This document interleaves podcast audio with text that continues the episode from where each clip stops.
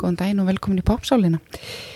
E, ég heiti Elva og er með ykkur hérna í dag uh, og fyrir ykkur sem að hérna, vita ekki, þá kenn ég sem sagt sálfræði í mentaskóla á Hamrallíð og uh, þegar hérna við erum að tala um svona meðferðir uh, í tengslu við sálræn veikindi þá tölum við stundum um svona meðferðir sem að voru notaðar fyrir einhverjum kannski, já, árum síðan og eru lítið notaðar í dag sem að nefndum mínum finnst oft mjög svona áhugaverðar uh, pælingar. Og ég ákast að uh, fjalla um eina meðferð uh, í dag sem að er ótrúlega umdelt og já, bara með svona frekar ræðilega lækna sögu uh, bak við sig. En að Mér langaði semst að taka fyrir svona sálækninga aðferð í dag.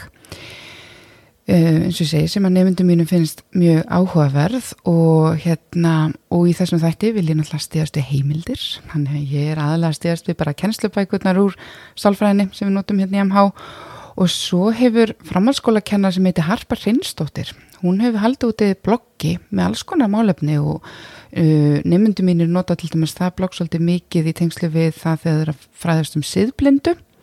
En hún hefur skrifað svolítið um uh, efni dagsins þannig að ég svolítið nota hana og síðan auðvitað bara vísinda við við nú einhver, einhver YouTube myndbund og svona en bara þannig að viti hvaðan ég er að fá uh, mínar heimildir.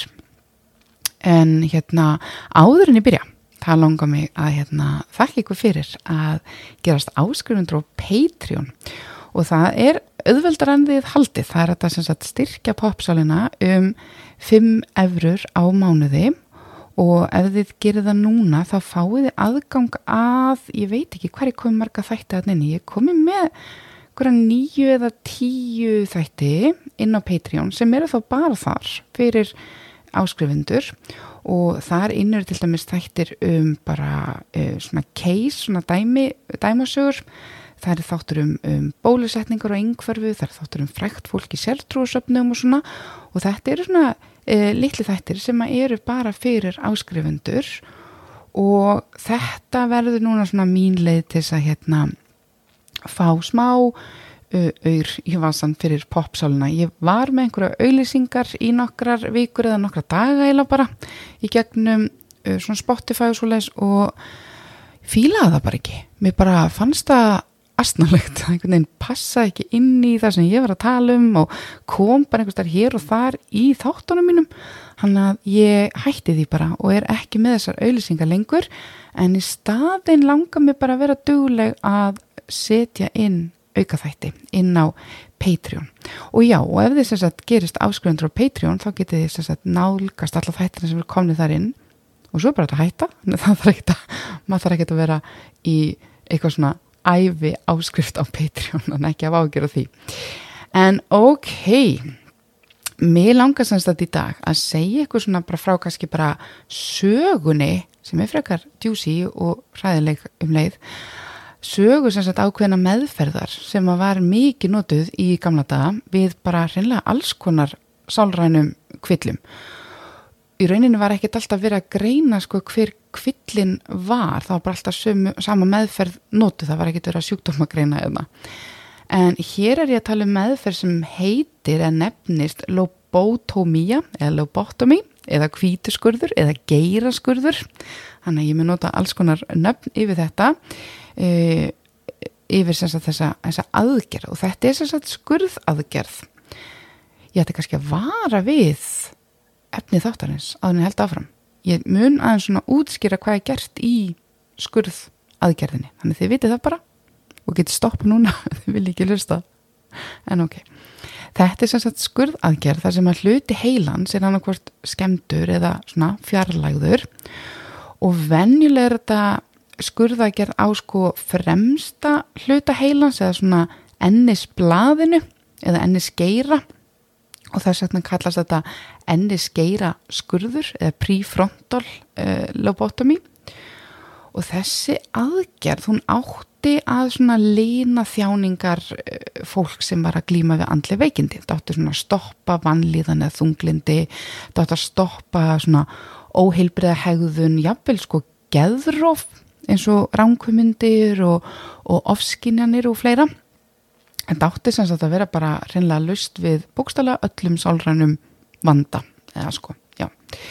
En svona uh, sáls, sálskurlækningar það sem reyndir að hafa áhrif á svona hugar ástand og andlega hilsu fólks með svona skurð aðgerðum Það er hafalega týðkast í bara mörg þúsund ár og elsta dæmið um slíkti þess að við kallum kúpuborun, það sem er svona borað í gegnum höfukúpuna hjá fólki. Það er talið að þetta hafi verið gert á sínum tíma til að hleypa út yllum öndum. Að, sagt, að hér áður fyrir þá töldu sagt, fólk að, að einstaklinga með gæraskanu væri sagt, andsetnir en þetta það að uh, gera einhver aðgerður og heila er kannski ekki eitthvað nýtt í tengslu við andlega veikindi. En það sem ég ætla að tala um í dag er svona, svona í nýlegri kantinum í sögunni. En ok, þá aðeins að sögunni. Sem sagt, árið 1935 þá var haldinn svona alþjóðleg ráðstefna taugafræðinga.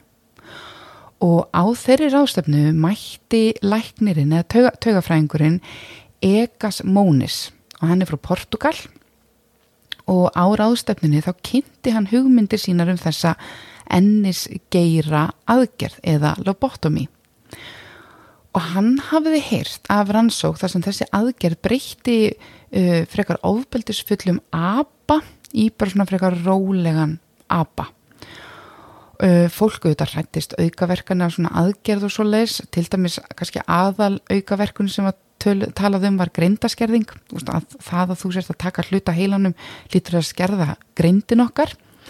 En þessi Egasmónis hann vitnaði í fleiri rannsóknir á þessar ástöfnu sem að síndu fram að það að svona aðgjör myndi ekki hafa áhrif á greind fólks. Þannig Egasmónis hann taldi því lítið því til fyrirstöðu að freysta þess að lækna andlega veikt fólk með því að skatta eða fjarlæga hluta af heilanum og þá sérstaklega þessum framheila eða ennisbladi. Og í samstarfi við taugaskurleikni uh, sem að kallast líma eða almeita líma þá hóf Mónis að þróa svona aðferð til að gera svona ennisgeira skurð eða kvítuskurð á fólki og hann prófaði þessa aðgerð á yfir hundra manns og það var sem sagt þarna í árið 1935 eða sem sagt nánar tiltekið 27. desember 1935 sem að pólski taugalæknirinn Egan Mónis ákvaða að byrja að framkama þessa hugmynd og fyrst aðgerðin fór fram á Santa Marta sjúkrahúsin í Lissabon en uh, það sem að Mónis sjálfur uh, var að þjást af gikt í höndunum þá nýttan sér aðstóð taugalæknis almeita líma Fyrsti sjúklingurinn var 47 ára gömul kona. Og þessi kona var búin að þjást lengi af uh, þunglindi og kvíða og mjög svona alvarlegu þunglindi og sjúklingur var svæfður og það var bórað svona gat ofan í höfukúpuna og alkahóli var sprautað í ennisblöðin eða svona frontal lobes. Og þetta var gert þess að skatta sem sagt þessi tauga tengsl og sömur vilja meina að það var líka hrært í stöffinu í ennisblæðinu með einhverjum svona sérstöku áhaldi.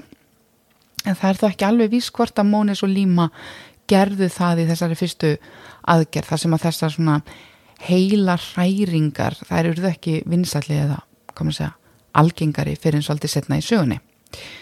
Og samkvæmt Mónis og Líma þá urðu engin eftirkvöst eftir þessa fyrstu aðgerð.